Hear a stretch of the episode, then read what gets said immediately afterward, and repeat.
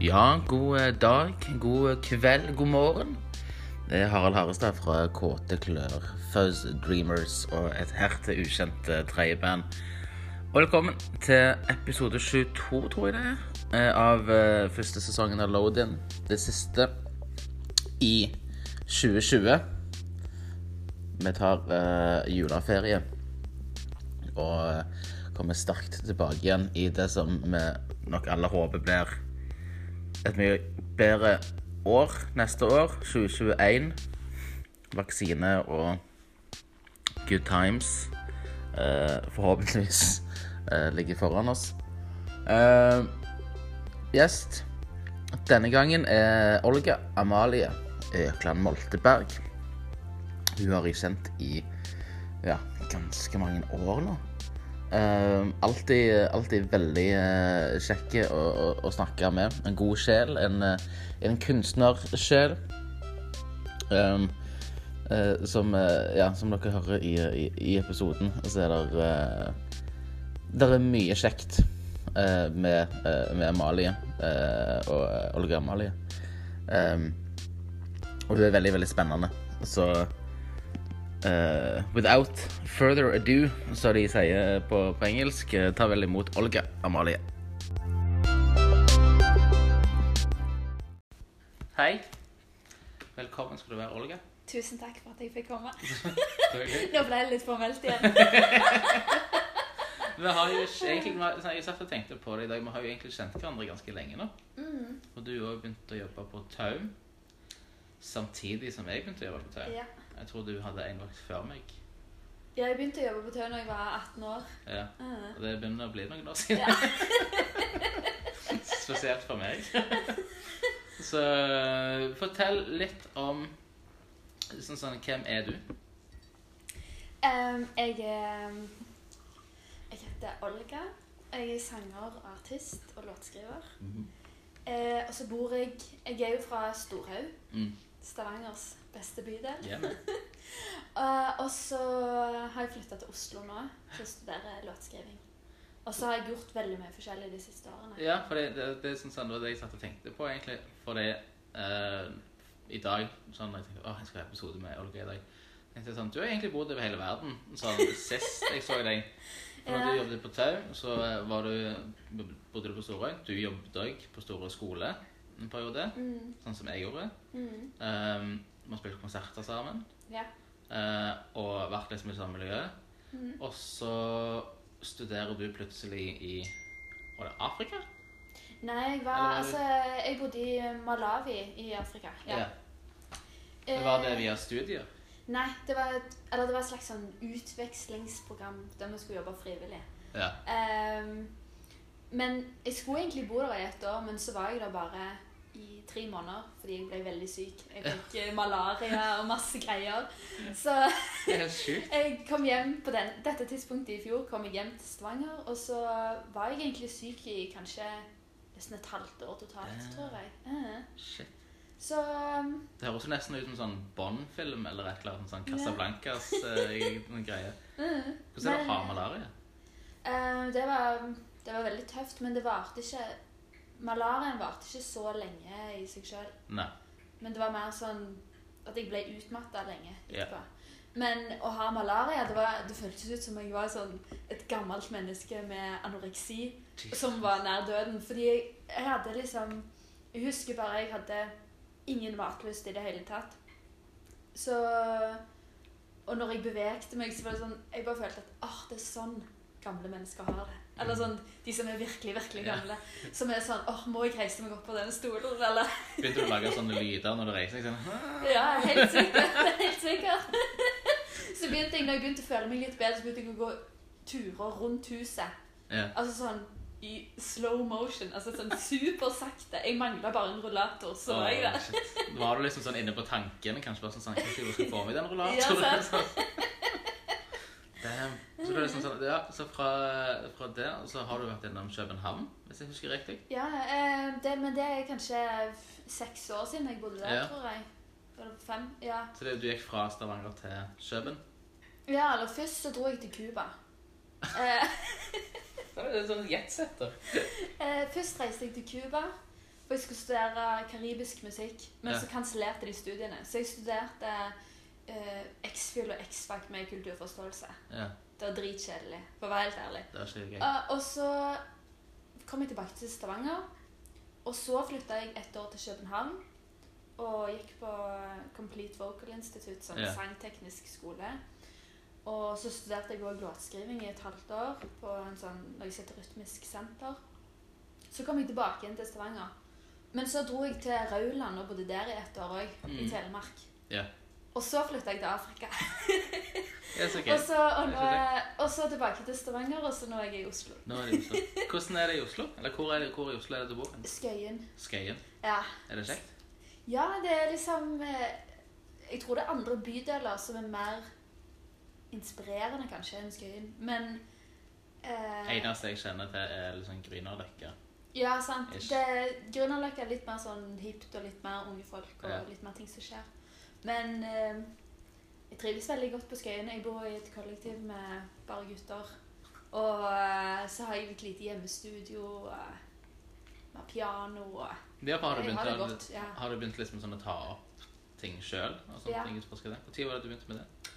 Um, jeg tror jeg begynte med Første gang jeg lo- liksom jobbet i Logic og sånn, det Ja. var når jeg bodde i Rauland. Men å liksom ta opp sjøl, det begynte jeg med i sommer, tror jeg. Er det vanskelig? Det. Eh, Det er vanskelig å få det til å låte bra, syns jeg. Men å liksom bare jeg tenker sånn, jeg er jo ikke lydtekniker Nei. eller produsent. Jeg skal bare ta opp ideene mine til Ja, right, jeg har. ja. Så jeg er ikke så nøye på ting. Jeg er bare litt sånn Hvis jeg klarer å ta opp litt noe pianogreier og vokal, så er jeg fornøyd. Men har du sånn keyboard og alt? Og liksom Ja. sånn, ja. Og så har jeg òg litt gitarer og sånn. Ja. Men jeg er ganske dårlig på gitar. Jeg har akkurat begynt jeg, sånn, sånn, jeg, jeg har akkurat funnet ut at tilfeldigvis har jeg hatt Ableton. Dritlenge. tilfeldigvis. Ja, men så har jeg liksom aldri kommet på det. Så jeg er akkurat ferdig med å spille inn uh, min første plate. Mm. Gåte og klør. Å ja, gratulerer. Thank you. Det er Eh, veldig bra. og så var jeg sånn, sånn type sånn shit, og så hadde jeg sånn på grunn det her året her, så har jeg liksom hatt så mye materiale, og så er jeg liksom sånn usikker på når jeg skal slippe av bladet, og når jeg skal begynne å spille Mhm. konserter igjen. Så jeg hadde en idé om å bare sånn sånn, kan bare fortsette å skrive sanger i sånn hjemme, og så hadde jeg lyst til å ha et sånn litt sånn hjemmestudio-greie, bare for å ta opp ideer sånn som deg da. Og så var jeg sånn sånn, å, skal jeg kjøpe Logic, og så koster det penger, og så plutselig sånn er jeg på PC-en og roter, så plutselig finner jeg Ableton. Og så sånn, for jeg har jo hatt Ableton hele tida, liksom sånn. Ja, ja. Eh, og liksom så husker jeg ikke helt hvor tid og liksom sånn. Men nå har jeg det. ja. Så nå har jeg akkurat liksom sånn begynt å sette, prøve å sette meg inn i hvordan i helsike jeg skal få det Ja, til. sant. Det er sånn, sånn, det er weird, men det gjelder gøy, da. Jeg Mm. plutselig sitter jeg og ser sånn timevis med sånn YouTube-videoer om hvordan du gjør ting. og Ja. sånt. Det er ganske gøy. Du, ja, fordi um, Ja, for du, du sitter på YouTube og liksom sjekker ut og sånn. Det gjør ikke jeg, fordi jeg har ikke tålmodigheten til det. Nei, right. Så jeg, sa, hvis jeg klarer å ta opp noe, så er jeg fornøyd. Ja, nei, men, for, Eller, ja. ja, for jeg hadde Men jeg tror Ableton er vanskeligere enn Logic. Ja, for jeg tror ikke det er lagd lagt for Så vidt jeg forstår, så tror jeg det er mer lagt for sånn live performance. At du skal være sånn kul DJ eller et Mm. Eller annet. Ja, Men jeg er jo ikke det. Men jeg tror det var rett fra studio når jeg spilte en plate, så plukker du jo liksom opp ting, og du Ja, snakker med liksom, produsenten. Mhm. Så fikk jeg litt den der oh, OK, nå tror jeg jeg begynner å fatte litt mer ting. Så jeg sendte liksom meldinger til folk bare sånn, sånn hva jeg trenger. Jeg hadde lyst på sånn trommemaskin. Og så har jeg den bitte lille ampen som står i hjørnet her, Oh, ja. som jeg kjøpte da jeg var 16. ja. Eh, som er en søt greie. Um, Du har det veldig koselig her. For de som hører på og ikke har vært hjemme hos deg, så er det veldig koselig. Jeg er veldig fornøyd. Takk Fine vegger. Ja. Den ene fine treveggen her er ganske fint. Med liksom sånne mm. bilder som jeg fikk av farmor. Eller arver fra farmor. Ganske fint. Der ser du. Det er ganske fint. Fineste er ofte det man får. Ja, right. Jeg har masse sånn, jeg arver ganske mye sånn julepynt. Jeg har sånn juletre her òg. Det er mitt aller første juletre som jeg har kjøpt sjøl. Jeg er voksen alder. Det, jeg føler, det, er tegn, det er sånn voksenpoeng. Ja, jeg, jeg, sånn, ja, jeg har ikke hatt sånn julefeeling på seks-syv år. Nei. Og er egentlig ikke en sånn veldig julete person av meg, egentlig. Men i Mhm. år, kanskje pga. korona, jeg vet ikke. Mm. Men så har jeg bare hatt en sånn damn. Jeg, Det er sånn, fantastisk. jeg føler julen i år. Så jeg gikk ned på Oljemuseet, og så eh, kjøpte jeg et juletre. Ja. Jeg. Så jeg har sett masse julefilmer. Hatt Det jule- høres hadde- veldig bra ut. Ja, men. Så det liksom sånn, jeg kom liksom sånn inn i det. Så den har jeg liksom bare gradvis bygd på dette juletreet. Nei, så det hjemmestudio er ganske sånn uh, Syns jeg er ganske spennende. Mm. Eh, og sånn. Men ser du for deg liksom at det er kun, det er kun låtskriving? Eller Ja, jeg, jeg gjør det for, for meg. Ja. Ja. Eh, det er jo Aldri si aldri. Det kan jo være jeg plutselig får sykt dilla på det. Kanskje du er Skøyens beste mikser? Ja, Liksom. sant. Man vet jo aldri. Eh, men eh, jeg syns bare det er sykt mye lettere når jeg jobber med produsenter, og de bare De er så kjappe. Mm. Og jeg er en ganske utålmodig person, så jeg kjenner at jeg syns jeg syns bare det er sykt deilig når noen andre klarer å fikse ting på ett sekund. Ja. Og så bruker jeg kanskje en time på å finne ut av det. Eh, så den tålmodigheten har jeg ikke helt ennå. Men eh, jeg er veldig fornøyd med meg sjøl hvis jeg klarer å ta opp helt sånn enkle demoer. Ja. Og liksom få liksom Og da tror jeg det er lettere kanskje Altså folk jobber jo på forskjellige måter, men jeg har veldig ofte en veldig sånn klar visjon av hvordan jeg vil ha ting. Mm.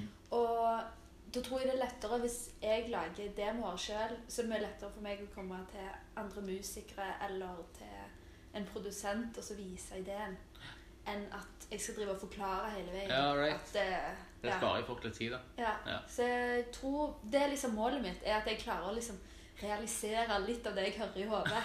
Og så, så kan noen andre hjelpe meg til å liksom høyne det nivået enda Ja, mer. ja. Mm. Nei, men det er akkurat det samme som Jeg har jo gått gjennom litt sånn forskjellige måter å skrive sanger på. Mm. Eh, før så har jeg aldri vært interessert i å ha en demo.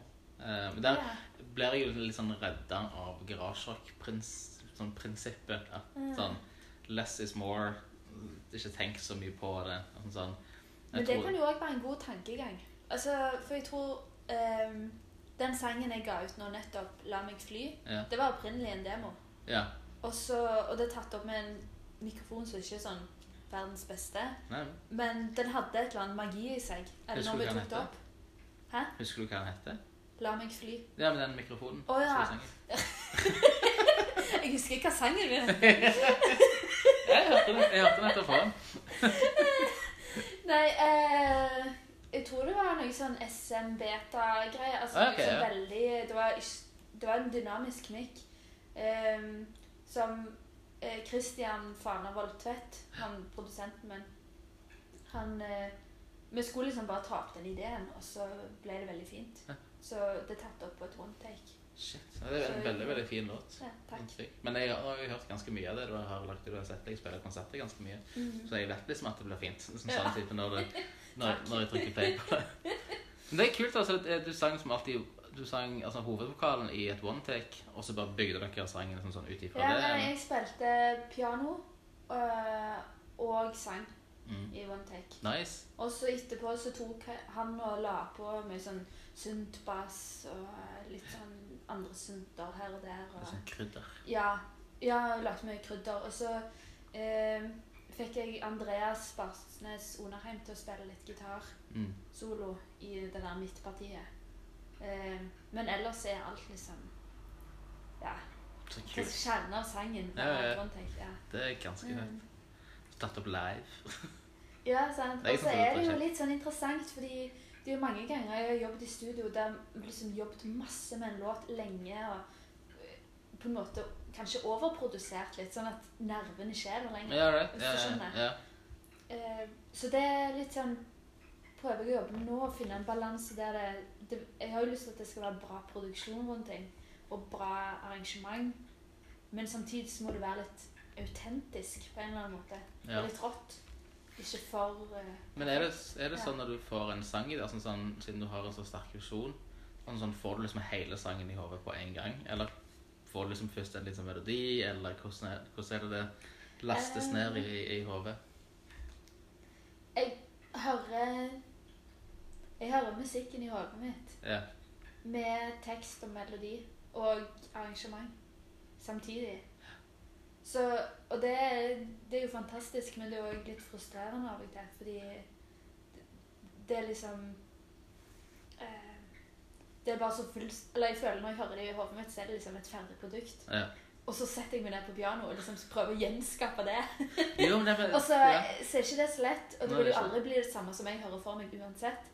Men eh, men da kan det av og til være litt vanskelig for meg å gå en annen retning òg, hvis jeg jobber med andre musikere eller som Jeg tror jeg er ganske sånn relaterbart. Fordi, ja, jeg føler sånn Jeg får som ofte Noen ganger så får jeg bare sånn en hel sang i det i hodet, mm. og da er det liksom jobben går ut på bare å Nesten litt sånn detektivarbeid. Ja, sånn, åh, hva er det, hva gruv er det jeg hører for meg? Sånn, hva de jeg hører egentlig? Ja, ja. lasta ned den dataen. Ja, bare forstå egentlig hva er det jeg hører i hodet. Eh, og sånne ting. Og da blir man jo veldig sånn fokusert på å finne det man hører. Mm. Eh, mens andre ganger så er det jo bare det når du sitter og ja, klimprer på et eller annet. Og så Mm. «Ah, dette var litt fett. Og da blir det mer sånn utforskende. Da kan liksom alt være Ja, sant. Da er det litt åpnere òg for at Ja. andre kan komme inn og være sånn Ja, ja. ah, 'Jeg liker den grooven bedre', Ja. eller 'den akkorden bedre'. Ja. Mens eh, kanskje hvis man liksom hører for seg musikken, så er det mm, Det er bare da, Ja, oppgaven er på en måte å finne fram til det man hører i sitt indre. ja, right. Og det er det ingen andre som hører. Nei, det er liksom ikke det. Det er, men, Så- men jeg føler du liksom har du, sånn, Nå har jo du fått ganske mye sånn erfaring med det. Er, sånn, sånn, er det lettere um, Eller for å stille det på en litt annen måte, da. Sånn, når du er i det der at du må finne ut hva er det du hører om, det sånn, sånn, du prøver å forstå liksom, sånn, den infoen som har datt ned i, i, Mm. liksom, sånn, i hodet ditt. Er det, sånn, gjør du det mest alene, eller kan du, sånn, du gjøre det med folk? I første omgang så må jeg gjøre det alene, tror Ja. jeg. Fordi eh, for eksempel bare tidligst i dag, da, så hørte jeg en sang i hodet. Det, det høres ut som det psykiatriske neste. Men eh, Jeg tror alle musikere har det sånn. det tror jeg òg. Men eh, jeg hørte en sang i hodet, og da var jeg bare sånn OK, jeg må bare fram på pianoet, finne akkordene, ta opp melodien på mobilen. Mm. Sånn at jeg har liksom hovedideen. Og hvis jeg eh, hadde vært rundt andre mennesker, så hadde jeg mista melodien veldig Mm. kjapt. Tror jeg. Men så kan jeg jo altså hvis, eh, hvis jeg først liksom har bare den hovedideen, Ja. så kan jeg gå til en musiker eller en produsent og være litt sånn Her er ideen. Så kan det være de kommer med ideer og tenker at låten skal i en helt annen retning enn det jeg tenker. Ja.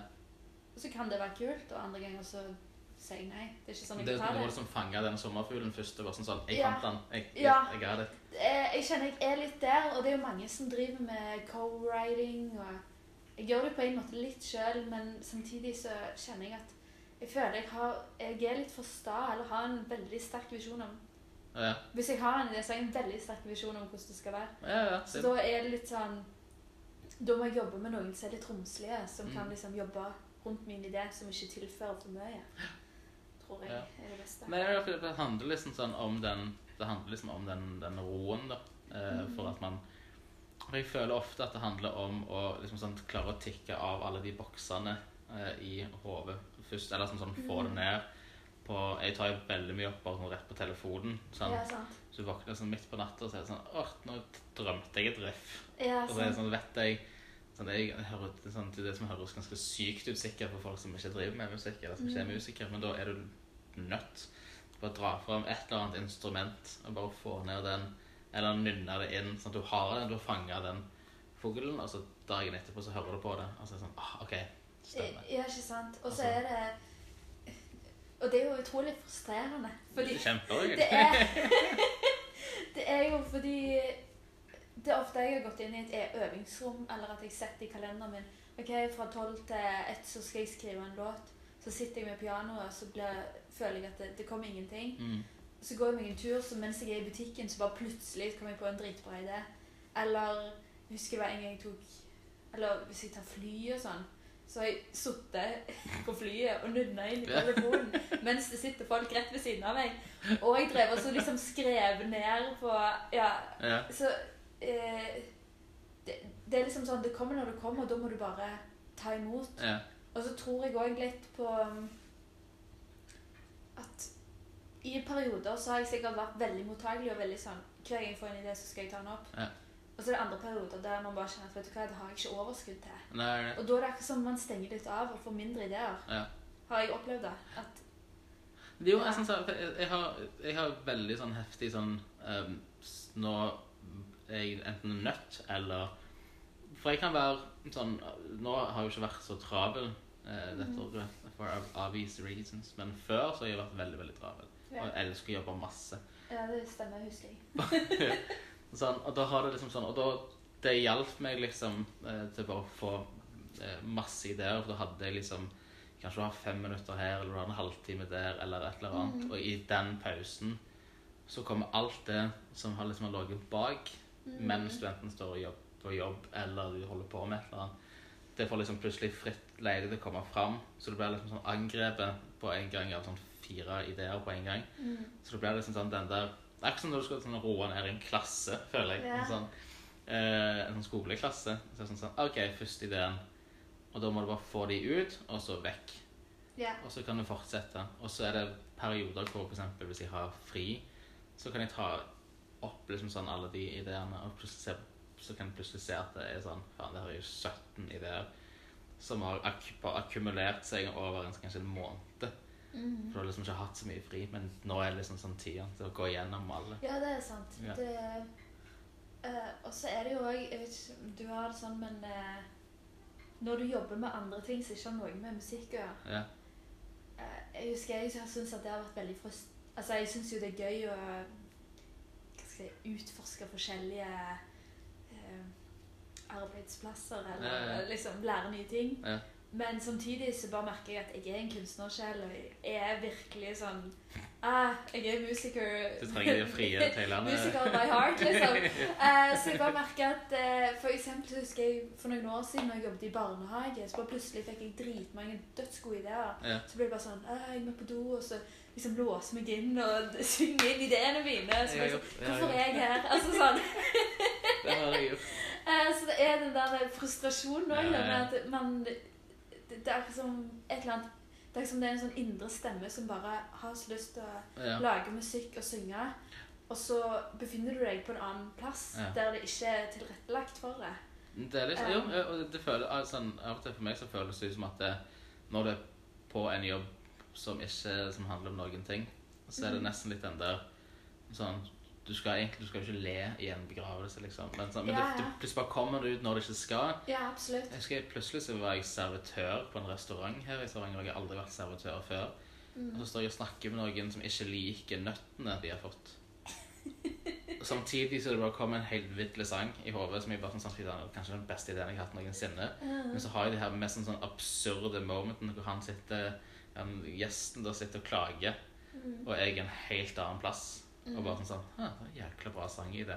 Ja. Og så er det en fyr som bare 'Hallo!' Sånn hører på meg. Ja, sorry. Ja, jeg skjønner. Og da var jeg sånn «Jeg- Jeg kan ikke gjøre dette her, liksom. Nei. Så jeg må bare jeg må, Men jeg, så, så føler jeg òg litt sånn ah, Det er jo andre folk som er bedre på å gjøre denne jobben Ja. enn meg. Altså, Hvorfor skal jeg sitte? Det er sånn, sånn å høre på dette her, sånn, sånn, å hjelpe han som har lyst på bedre nøtter. Er det, er det, er det, du kunne ikke brydd deg mindre. Nei, altså, sånn, sånn, sånn, det, det, det er liksom sånn rart å si, for alle har jo lyst til å gjøre en god jobb når du først er der. Men Absolutt. det er bare ting, noen ting som bare ikke er meant to be, virker det ut som sånn eh, av og til. Og da er det sånn sånn når du endelig får komme hjem, liksom sånn å bare Så får Ja. du den tida, så det bare virker det sånn. Det virker bare så rett. Og jeg merker òg veldig med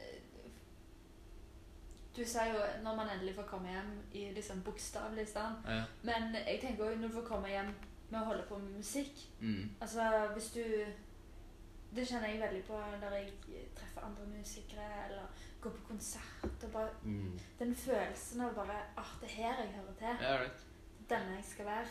Har du fått og sett? av og til føler jeg, eller jeg har følt litt tidligere kanskje at i enkelte av eh, Så jeg har jo hatt sånn 100 deltidsjobber. Ja. Eh, og noe, mange av de jobbene har jeg trivdes kjempegodt i. Men av og til så har jeg kanskje følt at jeg har vært en skuespiller. Mm. At eh, ja, jeg må prøve å være mer sånn eller mer Altså, jeg må Mm. prøve å være noe jeg virkelig ikke er. Mm. Og så er det så deilig de gangene jeg bare står på scenen og synger og bare kjenner at hva, nå er jeg bare Olga, og det er akkurat sånn jeg skal være. fint. Ja, det er fantastisk når du ah, man bare kjenner på den følelsen at jeg vil ikke være en eneste plass eh, noen andre plasser i verden. Ja. Så det er her jeg skal være. Men bruker du de erfaringene i, i, i, sånn, i musikken? For det tror jeg sånn, igjen, det er litt jeg har det med den litt sånn skuespillerfeelingen. Eh, men jeg har merka at det hjelper noe voldsomt med eh, med tekst og til dels sånn Når jeg skal finne de rette tonene, og hvor intense de tonene skal være, eller hvor myke de skal være, Mm. så hjelper de erfaringene som jeg liksom bygde meg opp når jeg ikke var sånn, i et miljø hvor jeg normalt sett ville vært. Eksempel som den servitøren, for eksempel. Mm. Så måtte det på en måte være en litt annen Jeg aldri, kunne ikke brydd meg mindre om gaffelen ligger sånn eller sånn, Ja, eller på høyre eller til venstre. Ja. Eller hvis folk er sånn Å, du må vaske det glasset en gang til. Og jeg, sånn, jeg klarer ikke å se noe shit på det, liksom. Da er det sånn, sånn den der, men det, det, den, den infoen og den, den, den erfaringen lagrer seg en eller annen plass i enten hjernen eller i sjelen eller i kroppen eller hvor enn skulle vært. Og så kommer det ut når jeg skriver eh, ja, eh, den melodien eller den teksten, eller skal finne ut hvor heavy eller hvor soft en sang skal være. Mm. Så hjelper det, den erfaringen hjelper meg med, med liksom sånn å holde ting litt sånn fresh, sånn at jeg ikke bare er sånn Harald hele tida, men at jeg kan, jeg jeg, kan- jeg kan mikse det litt opp. da. Ja. Hva tenker du om det? Um, jeg er litt usikker på om jeg skjønte helt akkurat hva du mente. Men jeg tror jeg skjønner det litt, men det sånn kan være jeg spore av noe på noe annet, da? Men, eh, men jeg tenkte på det det med å Når du er vant med å stå på scenen, eller begynner å bli vant med det, ja. så føles, kan du overføre det til sykt mange situasjoner. Ja, ja, jo, men det er rett, Og, det er for eksempel det med jobbintervju. Jeg, jeg, jeg føler at jeg er veldig god til å gjøre jobbintervju. Mm. Fordi jeg er vant med å snakke med folk jeg kjenner, eller prestere, eller med Jeg vet ikke. Jo, Altså, er noe absolutt. med når man er liksom Det er litt annen selvtillit, kanskje. ja. Ja, og at man er liksom bevisst på kroppsspråk, Mm. bevisst på ehm, Jeg er ikke sikkert man er så bevisst på det heller, men man har liksom eh, Nei, men det er akkurat, det er akkurat, jeg tror det er akkurat det som jeg, som jeg var inne på òg. Altså, Ja. sånn, det er bare på den motsatte siden altså, sånn, det. mm, At det er, hvis jeg sitter Spesielt innenfor rock'n'roll, så er jo sånn, det er veldig mye som høres likt ut. Og det er jo den evige kampen er liksom sånn å prøve å finne opp hjulet på nytt igjen. Ja, og finne noe, Ja. Er det noe nytt igjen i rock'n'roll, eller har vi brukt opp alt? liksom? Det er en av de, sånn, de eldste sjangrene vi har etter hvert nå. Så, og da hjelp for meg så har det hjulpet med de situasjonene hvor jeg kanskje føler meg litt sånn malplasserte i den søken etter å finne noe nytt. Hvis du Mm. fatter hva jeg mener. Altså, sånn, hvis jeg sitter liksom, med en ganske sånn basic rock i det, eller noe sånn gammeldags blues-rock i det, mm, som har blitt gjort hundre ganger før, som alle vet. Sånn, Mm. Alle vet hva neste riff skal være, eller hvordan refreng kommer til å være. Men hvis jeg jobber innenfor det formatet, så hjelper det for meg i alle fall å ta opp den sånn, sånn, Jeg husker sånn, jeg var på, sånn, jeg var, jobbet, jobbet i, på den plassen, Mm. eller jeg hadde den erfaringen hvor jeg bare følte sånn Damn, her hører ikke jeg hjemme. ja. Men jeg kan ta den feelingen og liksom sånn av det å og liksom gå utenfor meg sjøl på en rar måte. ja, ikke sant? Ja. Ja. Og så twiste det som sånn type OK, men hvis jeg da tar noe som er velkjent for meg, så kan jeg f.eks. bytte ut en gitardel med en pianodel som er sånn Huff, nei, det, jeg, jeg er ikke så komfortabel på piano, liksom. Eller istedenfor å bruke en trommis, bruke en trommaskin, Mm. for eksempel. Da. Så får jeg litt den samme følelsen at åh, nå er jeg litt på en litt rar Jeg er på en litt rar fest hvor jeg ikke kjenner folk her. ja. Liksom, Ja, jeg er ikke hjemme. Det er noe utrygt. Det er noe utrygt, og det i seg sjøl har blitt en veldig sånn trygg boble for meg å være i. Mm. sånn type. Bestemor mi pleide å si det hele, hele tida. hun gikk bort i, i, i fjor, men hun hadde en sånn, litt sånn catchphrase. Og det var sånn sånn Dette har jeg aldri gjort før, så det må jo gå bra. Det er jo fantastisk. Det er jo kjempegøy. Det, å, det er står, Det må Ja. henge Og det sa, det sa hun det. rett før første gangen meg og hun jamma sammen, og hun skulle spille eh, trommer. Nei, så Ja. Og hun var sånn, sånn, eh, sånn noen og 70 år. Ja. Og så jeg bare sånn sånn Nei, far må spille trommer. Sa jeg liksom på kødd. Hun bare går bak. Dette har jeg aldri prøvd før, så det må jo gå bra. ja. så på det er en symbol for første gang, liksom. Ja, ja, ja, nice. Så det er sånn, det er liksom sånn, sånne type ting, de erfaringene nå, merker jeg, eh, hjelp meg liksom i låtskrivingsprosessen. Mm. Og så er det jo kjekt å liksom sånn komme hjem til en scene. eh, yeah. Selv om jeg, sånn, sånn, jeg har eh, veldig mye sånn sceneskrekk ennå. Yeah. Så det er alltid en sånn kamp for, for sånn å komme. Eh, liksom Det sånn, kjenner jeg meg veldig godt igjen Ja. i sceneskrekk. jeg brekker meg alltid før på, rett før jeg skal på. Altså, du kaster opp? Nei, nei, men det du, Rett før? Ja. Ja. Det er sånn, sånn, du, du får den første brekken, og så er det sånn er ingenting som kommer ut, men du får den uh, uh. Ja, sånn. Og så når den er over, den, når jeg har fått den, Mm. da er jeg klar. Ok, Og det ja. skjer før hver eneste Ja. konsert, uansett hvor jeg spiller. Om det er Hanekam eller Rockefeller, liksom, så har det alltid skjedd. ja. Så det har blitt en liten sånn, liksom, ritual at nå kommer liksom, at de må bare gjennom. Men du vet at det går go- godt, så Ja. da er det bare OK, velkommen skal du være. Nervøsitet. Og så Og så blir det omgjort til den energien, og da er det å knuse litt. Du får jo veldig den aggressive tingen helt i starten. Så da må jeg liksom bare inn og knuse de to første sangene, og så OK. Da kan du slappe av. Da er vi hjemme, liksom. Ja, Da vi, da vi, da har vi kommet oss over den kneika en gang til 1-0. Det er sant. Og så, så fortsetter man. Jeg sleit jo òg veldig mye med sceneskrekk før. Mm. Skikkelig mye. Jeg husker jeg tenkte for um, Det må være sånn fem-seks år siden det òg. Jeg spilte på Kulturnatt i Haugesund. Så skulle jeg ha fire konserter. Og så husker jeg liksom ei uke før jeg skulle eh, spille, så, så husker jeg jeg var så nervøs. Og jeg drev og la meg i badekaret. Og, og jeg, jeg var, og liksom hadde dårlig pust og sånn. Så husker jeg bare la meg i badekaret, hadde, måtte gjøre liksom pusteøvelser og virkelig bare sånn. Og så husker jeg jeg tenkte til meg sjøl at hvis jeg skal gå rundt og ha det sånn resten av livet, så kan jeg aldri bli musiker. Mm. Hvis jeg blir så tappa for energi eh, mange Det var- dager Det før har vært ganske nervøst. Ja. Sånn, altså, bare den, for du hadde så lyst til å være musiker. Ja, altså. altså det er sånn det eneste jeg vil, det er å synge. Ja. Men allikevel så er det det som er det skumleste jeg vet. Ja. Uh, og da husker jeg, jeg husker bare tenkte at den nervøsiteten den er jeg nødt til å gjøre noe med hvis jeg skal komme der jeg vil komme. Hvis ikke må jeg finne på noe annet. Hvor mye hjelp for meg, meg og deg har jo studert det samme på un universitetet. Drama. Mhm. Hvor mye hjalp drama med liksom den feelingen? Det, jeg tror det hjalp meg ganske mye. Mm. Men jeg drev jo Når jeg studerte drama, så gjorde jeg mange ting parallelt. Mm. Uh, vi snakket med ei venninne av meg om dette her uh, for noen dager siden. Og jeg tror det er tre ting som har liksom hjulpet meg gjennom sceneskrekk. Uh, nå spørs det om jeg husker de tingene.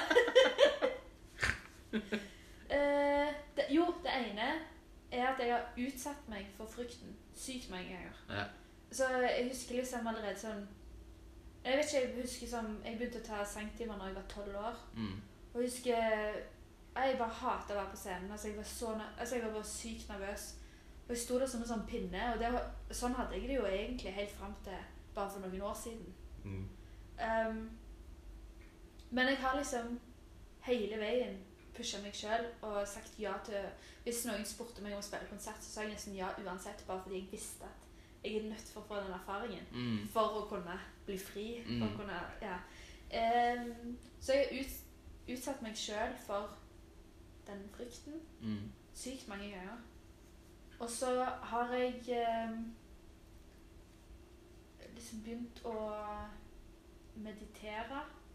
Og det begynte jeg jo med litt før jeg begynte på drama, så jeg føler Drama hjalp meg nok mye. og liksom Det å kunne leke og gå inn i andre karakterer. Det, jeg tror nok det hjalp meg mye, men, men det å så liksom finne litt sånn Puste, finne litt ro i hverdagen, ro i seg sjøl. det tror jeg har hjulpet meg veldig mye. Mm. Og så gjør jeg òg veldig mye sånn self-love-greier.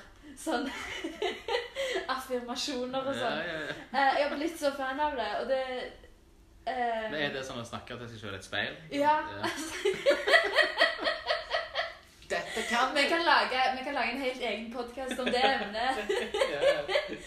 Men jeg driver faktisk eh, Det var jo Anna, hun dramalæreren, sa Ja. meg. Eh, jeg tror det var når jeg skulle, jeg skulle være support for Eivør. Jeg husker ikke om det var Eivør eller Thomas Dybdahl eller Jeg hadde i hvert fall en eller annen konsert som var veldig viktig for meg. Så sa hun til meg sånn Ja, men du skal si til deg sjøl Jeg elsker meg sjøl, og jeg elsker alle rundt meg. Og det har jeg brukt som et sånn mantra. Ja. Eh, og det har hjulpet meg kjempemasse. Ja. Så, så liksom alltid før jeg har konsert, så pleier jeg å liksom eh, be litt, stille og rolig. Og så sier jeg jeg elsker meg sjøl, jeg elsker alle rundt meg, og jeg ber om at dette blir en kjekk konsert. Og så kan jeg òg liksom visualisere Av og til visualiserer jeg at jeg har sånn gult lys som stråler ut og sånn. Det er veldig spirituelt, men men det har hjulpet meg masse. Fordi eh, da går jeg på scenen og føler at jeg er aktør, og jeg, jeg eier scenen istedenfor at eh, scenen eier meg. Ja, ja, ja. Eh, og det å skjønne òg liksom At det har tatt meg en del år å kjenne at når jeg er på scenen, så er jeg der for å gi noe. Mm. Um, og for at jeg skal gi noe, så må jeg òg gi slipp på det der egoet mitt om, om at jeg ikke er god nok, eller Mm. at det er Ja. Så hvis jeg klarer å liksom bare være i musikken, så det er målet mitt, egentlig. Ja, det. Ja. Nei, for jeg, er sånn, sånn, jeg har jo hatt de der powwowene med, Mm. med, med Anna. Hvor det var vært sånn, sånn Og et, hun er jo veldig sånn direkte med deg uansett hvem du er.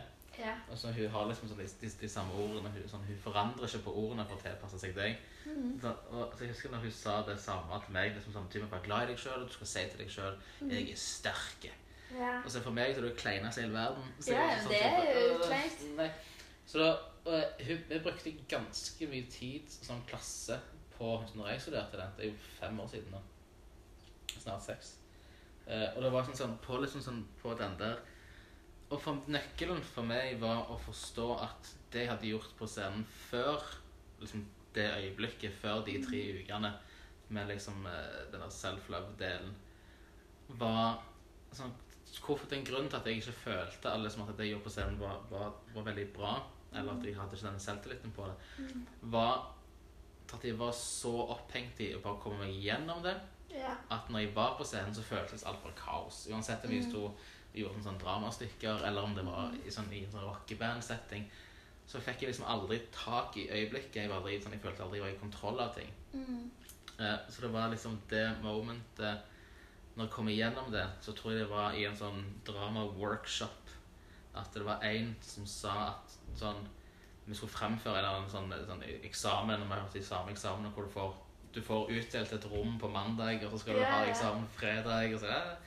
Vi har alle vært der. Ja, det var det sånn Og da husker jeg i en av de så var det en eh, som sa i en sirkel som sånn Vi var på et sånn kritisk punkt og vi hadde gjort liksom Vi var usikre på om det vi hadde brukt masse tid på, det var bra nok.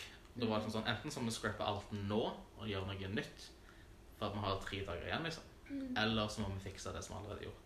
Eh, og da var det jo veldig sånn oppheta og veldig sånn, sånn kritisk. Og da var det en til slutt som, som kutta gjennom og sa Husk på at når vi er på en scene, så er det vi som bestemmer. Det er ikke publikum som bestemmer en skit av hva som skal skje. Eneste som kan gjøre noe med det som skal skje på den scenen, er de som er på scenen. Ja. Og det ble liksom sånn mitt mantra at sånn når jeg kom ut. Og sånn, sånn, og du vet også sånn er at av og til så spiller du for en jækla mye folk, og av og til spiller du for ingen folk. Ja. Liksom sånn, og det der, jeg tror Før så var jeg nok ganske opphengt i det. Så hvis jeg kom ut, og så var det to stykk på konsert, så kunne jeg vært sånn sånn «Ah, OK, dette her blir drit. Og da ble det Ja, drit, for du sitter bare og stemmer ned. Så kan det jo være at det blir det mest magiske. Ja, for da, for da hadde, måtte jeg liksom sånn bruke den nøkkelen, da. Mm. Bare for sånn OK, uansett hvor mange som er, som er der, så det er jeg som bestemmer hva som skal skje, eller vi i bandet bestemmer hva som skal skje. OK, vil vi ha eh, de beste showene noen gang har gjort, Mm. så spiller vi sånn vi spiller for livet, da, holdt jeg på å si. Uh, og da var det ja, det var nøkkelen som gjorde at jeg liksom sånn klarte å roe ned det, liksom sånn det indre kaoset. da, og ta kontroll. det er veldig, veldig sant. Det, det å egentlig bare ta ansvar for Mm. hva er det som er min jobb.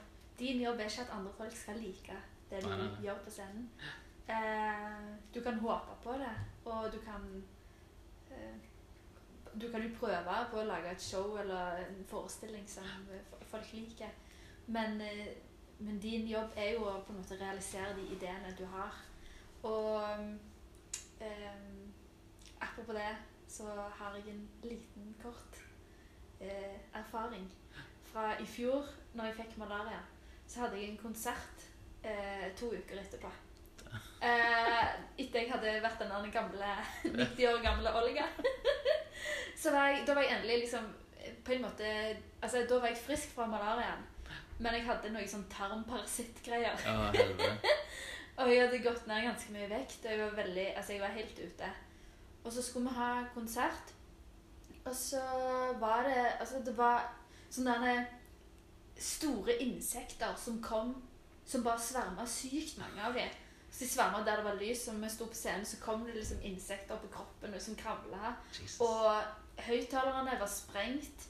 Og det var to fulle menn som hele veien prøvde å komme opp på scenen. Og eh, de andre i bandet de var ganske sure fordi det var så, altså, det var så vanskelig opplegg. da. Ja, Men da husker jeg bare tenkte at min jobb er ikke å ta kontroll over dette kaoset. Min jobb er bare å synge. ja, Eh, og jeg skal synge så godt jeg kan uansett omstendighetene. ja.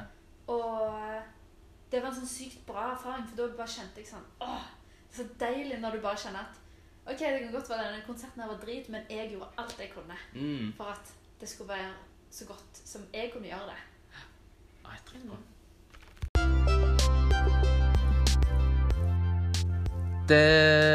Der skal jeg skyte inn, sånn som jeg har for vane, eh, at hvis du er glad i musikk, hvis du er glad i lokal musikk, hvis du er glad i å streame musikk, og du er glad i podcast, det håper jeg jo siden du hører på en, så finnes vi med på Spotify til der du hører oss.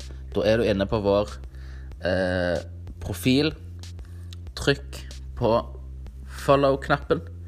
På load-in, på spesielt Olga Amalie sin, på Kåte klør, på Valp, på Dangerface sin, på Mudslide sin.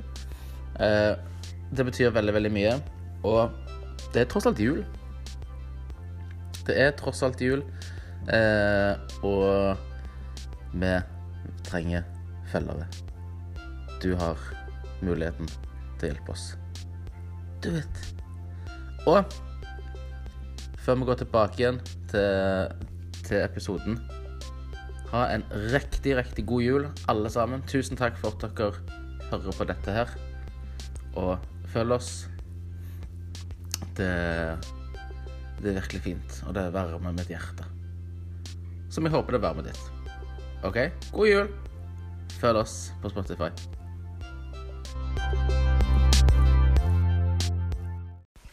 Du, eh, har du noen musikere i familien din? Eh, ja. Ganske mange.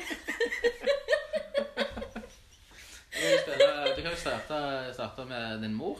ja. Hun spiller i Jeg kommer alltid til å si feil på det. Stavanger Symfoniorkester. Ja. Eh, og så spiller vi Gjertrud Sigøynerorkester. Mm. Eller mor mi heter jo Gjertrud, så det er jo hennes er sigøynerorkester. Og så spiller vi Wunderkammer og gjør vi Ja, Så kult. det er forskjellig. Og så har jeg en onkel som spilte i Vamp. Mm. Torbjørn Økland. Og så har jeg en onkel Nils Økland. Som eh, han òg spiller hardingfele og fele, komponerer med musikk. Og, Så det var mye musikk når du ja, vokste opp. så jeg er søskenbarn òg som holder på med musikk. Og, ja. Det er, altså- jeg synes alltid er et interessant spørsmål. Kan du huske den aller første sangen du noen gang hørte? Hvis du måtte gjette, hva tror du det hadde vært? liksom? Det er et veldig godt spørsmål. Utrolig godt spørsmål, men det eh, Det vet jeg ikke om jeg klarer å svare på. Men jeg har jo på en måte altså, Jeg har jo på en måte, Når jeg lå inni magen til mamma De sier jo at babyer hører musikk Ja. okay. når de er i magen. Um, så drev jeg og hørte liksom symfonimusikk og sigøynermusikk ganske mye. Mm. Så jeg tror nok den musikken har liksom vært med meg hele livet. Så det er sikkert Livet, en, ja. sånn, en sang innenfor de to sjangrene der som har vært den første som du liksom sånn, Ja. har hørt. Hva er det første du kan huske at du har hørt? Fra sånn helt den tidlig. Ok, Lille Petter Edderkopp. Jeg Ja, ja. Det første, det første som poppa opp i hodet mitt. Jeg vet ikke hvorfor. Nei, men det er sånn, for jeg, har, jeg har stilt det spørsmålet til så mange folk. Det er veldig få. Jeg tror det er ingen som har sagt sånn, sånne barnesanger før. Alle, sånn, alle yeah. Veldig mange sier sånn Jeg tror det må ha vært Beatles eller et eller annet. Så sånn, I mitt hode så var det den trollmor har lagt sine små Ja, sant. Den òg husker jeg Ja. veldig godt. Eh, ja, Det må ha vært noe sånt. Liksom. ja, jeg òg tror det. Jeg husker jeg var liksom Pappa spilte gitar, og han kan overhodet ikke spille gitar. Men jeg var så imponert over han som barn. Mm. For at han klarte å liksom få lyd i den gitaren. da. Jeg husker jeg var, ja, jeg tror ikke han kan en eneste akkord. Men det var Jeg har akkurat blitt onkel, så jeg er liksom så interessert i det nå. mm. Så søstera mi har fått eh, sin, eh, sin første, sin Isak. Så Ja. Jeg har hatt han på besøk her. Og så er det litt sånn, Jeg er jo litt eldre enn Um, altså, jeg har jo to søsken. En Mm. lillesøster og en lillebror. Og lillebror er jo ni år, nesten ti. Ja, ganske mye eh, yngre enn deg. Ja. Så husker jeg da, på det tidspunktet da han var født, så var jeg jo sånn, sånn fotball er jo fremdeles en stor del av mitt liv. Mm. Men det var liksom the shit da jeg var kid. Ja. Så jeg husker jeg så han, så var jeg livredd for at han ikke skulle like fotball. ja. Så den første gang han klarte å stå, så begynte jeg å skyte baller på han. Sånn at han skulle liksom sånn få det inn i kroppen. Ja, Liksom sånn, så hadde jeg en stor visjon om at han da skulle liksom sånn bli en keeper eller et eller annet. Så så fort han kunne liksom sånn stå og begynne å gå litt, så var meg og han ute, sånn, ut i hagen. Mm. Og sånn. Og nå sitter jeg med sånn, men nå er jeg jo veldig torn med nevøen min. Mm. Fordi alle, min familie er, det er en veldig sånn sportsorientert familie. Det stemmer. Alle har liksom sånn svømt og spilt fotball, håndball, alt det der. Så den siden føler jeg er dekka. Så det er liksom sånn musikk er liksom sånn min Og jeg er den eneste i familien som teknisk sett spiller noen instrumenter. Mm. Så jeg er veldig interessert i at han skulle bli nummer to. Ja. Så når han var her på besøk for første gang, Mm. så satt jeg bare ut alle gitar, git- gitarpedaler jeg hadde, Mm. på gulvet. Så drev han og krabbet rundt for at jeg skulle trykke på ting. Ja, sant. sånn. Ja, ja. Så fikk jeg liksom sånn, så det var liksom sånn min første lille sånn, ja. litt sånn snik. eh, Hva heter det? Snikmusisering. Ja. sånn, nesten hjernevasking. Bare sånn, sånn type Ja, ja. Dette er en fødselspedal, og den kan du tråkke og trykke på så hardt du bare vil. Mm. Satt jeg liksom han og sånn, fikk tygge på den. Så det, det er liksom sånn, så nå prøvde jeg med Jeg fant Metallica har gitt ut et sånt babyalbum Oh, ja. med alle de kjente sangene sine. Spilt på sånn klokkenspill Oh, ja, kult. Ja. sånne ting. Så jeg satte på det. Eh, og så har eh, Beyoncé gjort det samme. De satte på det. Og så var det sånn klassisk, bare for å sånn trykke det inn. ja. Så jeg håper det er liksom sånn bærer frukter, da. Det kan det godt være. Så kanskje om 20 år så kan jeg ha han på bare sånn, Ja. Husker du den første sangen? Ja, ja. Tror det var Enter Sandfest. ja, sant. Men hvordan, sånn, hvordan var det sånn da du vokste opp? Jeg ser jo bare for meg at da er det jo musikk i heimen. Ja, mye musikk i heimen. Alltid. Eh, det har jo vært veldig fint, og så har det vært eh, Jeg er jo òg litt sånn eh, Jeg tror jo på mange måter Altså, jeg har tenkt litt sånn OK, hvis foreldrene mine ikke var musikere, hva hadde jeg gjort med livet mitt da? Mm. Da tror jeg kanskje jeg hadde jobbet eh, i radio eller vært skuespiller eller Mm. Egentlig ikke noe som er så annerledes, Nei. men eh, det er vanskelig å si. Ja. Eh, men eh, Men jeg har jo Altså Dette høres veldig feil ut, men eh, jeg føler jo at det største liksom, omsorgssvikten foreldrene mine har gjort med meg, det var at de tvang meg til å spille fiolin. Eh, og da var det Brødrene mine slapp mye billigere unna. Ja. Jeg har to yngre brødre. Men eh, jeg var liksom den eldste av mamma sine. da. Så jeg var liksom prøvekanin. Ja. Uh, og uh, da spilte jeg på en fele som pappa hadde lagd, for han er felemaker. Ja, ja. Ja. Og, eh, og det hata jeg virkelig. Så meg og venninna mi Åshild eh, som, Hun har òg foreldre i symfoniorkesteret. Vi spilte i orkester sammen. Så tok vi notene, snudde de opp ned og spilte Spilte de opp ned, sånn at når det var veldig lyse toner, så var det veldig mørke toner. så, så Men så slutta jeg jo på fiolin, og da ble alt veldig mye bedre. Ja, ok. For jeg, jeg, synes så- sånn, jeg har jobba på eh, Stavanger kulturskole. Ja. Og da syns jeg alltid litt sånn ekstra synd på de kidsa som skulle inn på fiolinundervisning og Mm. pianoundervisning. Stakkars barn. Det var, jo, nei, sånn seriøst. Ja, ja. Sånn, det bare virka som det var så sykt mye mer seriøst Ja, det og var jo en liksom disiplin enn noe annet. Det var jo på en måte veldig lite fokus på å ha det gøy med musikk. Ja. Og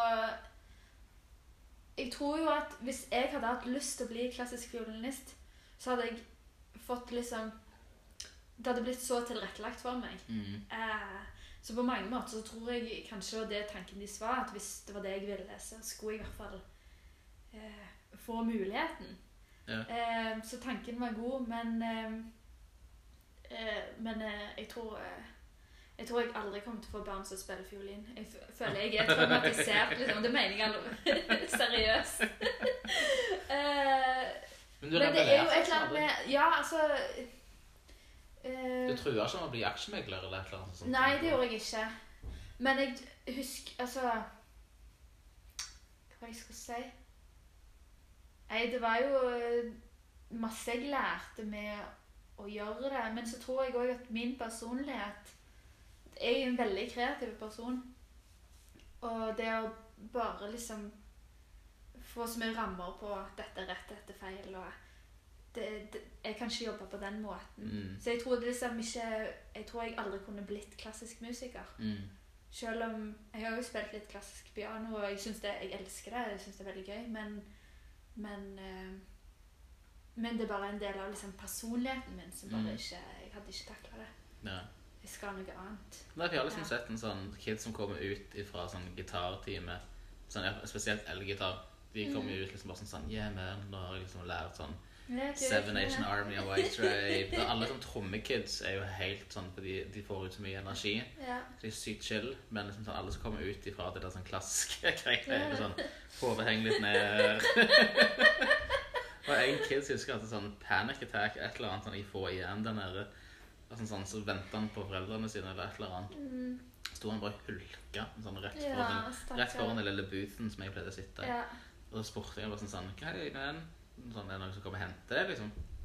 Ja, foreldrene mine kommer. Sånn, OK. Hva er det så galt, liksom? Nei, for at hadde sånn, pianolæreren hadde blitt sur på han, for han hadde ikke jobba nok med venstre ringefinger. Ok, Det var definitivt ikke Olaug. Nei, ikke nei. Det tror jeg heller ikke. Det tror jeg heller ikke. Men det var visst noe sånn forklarte han liksom, at han hadde fått beskjed om at venstre ringefinger var for svak, så han måtte trene. Og på spille den samme noten om og om igjen så fort han bare klarte med Men altså, venstre ringefinger. sånn drev jo jeg òg og holdt på. Ja. Eh, jeg sto inntil en vegg i, og spilte løse strenger for å, at albuen min ikke skulle gå for langt bak. Hvis du skjønner. Ok. Så sto vi der en halvtime og bare spilte én tone. Eh, så jeg hadde ganske bra teknikk, tror jeg. På grunn av det. Og så hadde vi-. Det, så hadde vi sånn timer. sånn Ok, stakkars foreldrene mine. De er veldig bra foreldre, men akkurat her feila de. Vi hadde sånn timer, sånn, du vet, sånn mattimer. Ja. Sånn at jeg skulle øve i et kvarter, 20 minutter eller halvtime. eller hva enn det var. Så satte mamma på den timeren. Og så når den ringte, så var jeg liksom ferdig med å øve.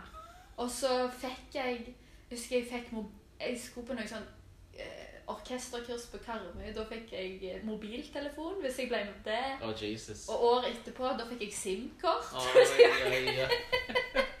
Oh. Så det var, det var sånn gulrotspedagogikk. Så Eller litt sånn Indoktrinering på høyeste plan. Ja, til slutt så fikk jeg bare nok. Jeg husker, ja. Så nei, den fiolinen, den ble det ikke så mye av. Men, Du har ganske, du har ganske sånn fine, sånn, dis, veldig sånn distinktive sjangre som jeg føler du beveger deg gjennom. Har jo vært en del liksom, sånn, den sigøynermusikken Mhm. eh, og liksom sånn folkemusikk har jo vært en stor del liksom, sånn, av Ikke bare det du har framført, men også sånn, kanskje det du hører på. og sånne type ting. Er det en sjanger som du er fan av, som du tenker det kunne jeg aldri ha prøvd? Eh, det, jeg tror det er mange sjang- sjangre jeg er veldig fan av. Ja. Eh, Men som du spesifikt tenker sånn, sånn type veldig fan, jeg kan aldri, jeg kan aldri gjøre det. liksom, Eller jeg har ikke lyst For til det. eksempel opera. Jeg er Ok. veldig glad i å høre på opera det. Syns det opera kan være kjempefint. Men eh, jeg kunne aldri uh, Jeg tror det er en gang jeg har sunget en operasang Mm. for gøy i København. Men ellers jeg kunne aldri gått inn i den sjangeren og Eller aldri si aldri, men jeg, jeg, jeg, jeg ser ikke det for meg, da. Ja, men Gangster rap. Det en eh, Men faktisk, jeg er veldig glad i NWA. Eh, og Grandmaster Flash and the Furious Five. jeg elsker det. Og jeg føler det er utrolig mange sjangere som man er veldig glad i. Som eh, man nok kan, kan sikkert sånn, hente inspirasjon fra det til en viss grad. Uten at man tenker over det. Nei, jeg er Men- veldig veldig glad i spesielt sånn old school hiphop, Mm. som de du nevner der. Um, Sånn og- 80-tallsgreier, er det ikke? Ja, 80-90-tall. Sånn Ja. Nas. Veldig fan av Nas. Men, Mm. og det er mer sånn type nå, På albumet mitt nå så er det jo fire-fem sanger som er med trommemaskin, f.eks. Da har det vært veldig sånn kjekt å liksom, sånn, fordype seg i den kulturen. Sånn for å lære liksom, sånn, om hvordan man Mm. bygger en beat, og hvordan man jobber med det. Men sånn, jeg kunne aldri rappe. Sånn at jeg tror ikke Nei, kanskje på Det fest har lært seg det. Det verktøyet legger, sånn, er ikke i mitt verktøyskrin, tror jeg. Det kan jo bli det. Altså hvis man, man eh, Sånn som eh, bestemor di sa altså man, eh, Dette det kan jeg ikke, før, så det må jo bli bra. Ja. Jeg tror Må skal, lære bare, av henne. jeg bare gjør det, bare annonsere kjempehøyt, liksom sånn at det, sånn type, på neste Gåtekløkonsert så blir det en rapp. Altså bare ikke gjør noe med det før the moment. Ja, Så sant. kanskje det kommer ut noe, who knows. Det kan godt være. Men det, jeg føler det er veldig mye musikk. Sånn, jeg hører ganske mye på Jeg har hørt mye på Led Zeppelin for tida. Oh, der, der Det jeg. elsker jeg, men det er jo ikke, det er jo ikke nærmere det jeg holder på med sjøl allikevel. Nei, men sånn som Eh. de har jo den der sånn, sånn bluesen sånn, Det er jo sånn amerikansk folkemusikk, og de har um, sånn elementer av sånn britisk og val walisisk sånn folkemusikk i seg i bånn. Og så er det denne videreutviklinga av det som sånn finner. Og Jimmy Page, den gitaristen Hele første albumet var jo eh, spilt inn, miksa og mastra på 36 timer. Ja, herlig. Som er helt vilt. Og, sånn, sånn, og uten en eneste datamaskin liksom, til å hjelpe dem. Men han var jo en av de sånn, og er helt syke på det å multitracke og dobbelttracke sånn, forskjellige gitartoner. Sånn. Han, alle de folka der var jo gamle sånn, session-musikere. Så de hadde liksom sånn, et øre for arrangement som i rockesetting, sånn, ifølge min egen mening, Mhm. er ganske sånn unparalleled. Altså, sånn, det er ikke, de var blant, blant de beste på det. Sånn det. ja, jeg digger Led Zeppelin. Det er helt det er ja. konge. Det er sånn sånn Det er en sånn Det er liksom en gitarist, men han høres ut som det er syv, liksom. Ja, Og det er kun den samme duden som bare sitter og Men det er bare et eller annet med Jeg tror innenfor liksom rockemusikk Det er bare et eller annet med energien til den musikken som er bare så sykt deilig. eh, Som jeg bare kjenner sånn uh, når, jeg, eh, når jeg var i Skøyene. Uh, og gikk eh, gjennom Vigelandsparken på vei til skolen og drev og hørte på Led Zeppelin, så bare kjenner jeg sånn ah, Det var bare sånn sykt god energi, og jeg føler jeg får så mye kraft og sjøltillit av Har du musikken. favorittsang av Led Zeppelin? Eller Eh, favorittalbum? den der Whole Lotta Love. Den Whole Lotta Love, elsker jeg. fin. Ja, Cashmere. ja den Den er er ja, powerful. ja. Den er sykt bra. Et av mine det beste rockealbumet som jeg mener noen gang er lagd, er andre albumet til Iggy Pop and The Stooges. Iggy and the Ok. Stooges. Så Jeg har ikke hørt så mye på han. det kan jeg anbefale. Det er et album som heter Funhouse. Ok. Sånn energimessig eh, er noe av det sykeste som er der ute av tilgjengelig Nice. rockemusikk. Som har eh, ikke bare inspirert den generasjonen som var da og kom etter, men 40-50 år etterpå til nå, liksom. Som er Så hvis du, sånn, hvis du har lyst til å høre på noe litt wild musikk som eh, er full gass, så kan jeg Så skal anbefale jeg høre på det. Funhouse-albumet til Iggy and the Stooges. Fordi det er en annen på en måte litt sånn rockeblues-artist som jeg hører sykt masse på. Og det er bandet Savage Rose okay. fra Danmark. hørt. Eh, hun, vokalisten der, Anisette Koppel, hun er litt sånn Danmarks, Danmarks svar på Janis Joplin, på en måte. Oh, hey. Altså, hun er bare sånn villkvinne med liksom langt, tjukt, sort hår. Helt sånn vill og fri på scenen. Og, så hun er egentlig kanskje mitt forbilde. Eller jeg har lyst til å bli sånn som hun når jeg er 70 år. Sånn denne, bo i et kolonihagehus og bare liksom være hippie. hun er fantastisk. Men jeg, jeg synger jo litt sånn Janis Joplin-esk. Ja, altså hun synger Ja, hun, hun er crazy Altså, hun er rå, liksom. Ja. Eh, og så har hun sånn, vel, sånn vibrato på stemmen som er bare helt sånn det, Sånn wow. Eller, sånn. Jeg er veldig langt unna det sjøl, altså, men eh, om jeg bare hadde hatt 10% eller 5% av hennes energi og Savage Rose. råhet, ja, så Rose. hadde jeg vært fornøyd. Det må jeg sjekke ut. Mm. Det må jeg sjekke ut. Sånn, nå har du vært en, sånn, en av de som har flytta litt sånn rundt og Mm. sampla litt forskjellige kulturer og plasser og sånne type ting. Ja. Um, jeg vil jo tro at sånn, i Malawi og i Cuba sånn, så blir du introdusert for en helt annen musikk enn det du kanskje er vant til. Mm. Kanskje sånn, I Cuba så du har jo hørt på sånn, sånn type musikk kanskje før du flytta ned der. Mm. Men hvordan var det sånn, er det sånn, i forhold til Stavanger, da? Altså hvor stort kultursjokk er det? Altså, sånn, I forhold til musikken. Eh, er det musikk overalt, liksom? Det er jo veldig annerledes. Altså, både, altså Cuba og Malawi er jo to veldig forskjellige land. Mm. Uh, Så jeg vil ikke sammenligne de to, men jeg kan sammenligne f.eks. Malawi og Norge. Mm. Så er jo Malawi er jo et land som De har ikke sånn konsertkultur som vi har. Så jeg merker jo f.eks. når vi hadde konsert, så var det ingen som klappa. Altså, så du, du ble veldig usikker på scenen, og så liker de det, liker de ikke. Så kunne jeg gå av scenen, så kunne de være sånn Så kunne jeg føle at det, altså, det er ingen som likte det her. Og så er det en jente som kom bort til meg og bare Du synger som Maria Carey. så eh, Men de er veldig Det de landene har til felles, er at de er mye mer fysiske og mye mer De har mye mer dans i musikken. Ja. Og dans og musikk går hånd i hånd. Det gjør det ikke for oss i Norge på denne Mm. måten. Nei. Så um, jeg har ikke lært meg så mye um, musikk, men jeg har sikkert lært noe allikevel. Altså, jeg tror når jeg reiste til Malawi, så hadde jeg veldig lyst til å være mer forbundet med kroppen min, og Mm. mindre med hodet. på en eller annen altså, sånn, Når jeg synger, så har jeg lyst til å synge med kroppen, ikke Mm. med magen eller med tankene mine, eller med altså, men- Telle takter. ja, men bare kjenne at liksom eh, Jeg har kroppens instrument, og det er hele kroppen min fra Ja. tærne mine opp til For det er noe som har hjulpet meg ekstremt, er at, det er sånn, jeg synger og spiller gitar samtidig. Og Mm. er også den eneste gitaren eh, på scenen. Så det var eh, sånn, det kjekkeste med å starte Kåteklør, var liksom å utforske det, og nesten sånn danse med gitaren Ja, på scenen. Og Mm. sånn, å bruke det som en slags sånn, sånn, eh, sånn holdepunkt. Sånn, for du har jo ting du skal gjøre. Musikken er jo såre enkelt, det er den jo.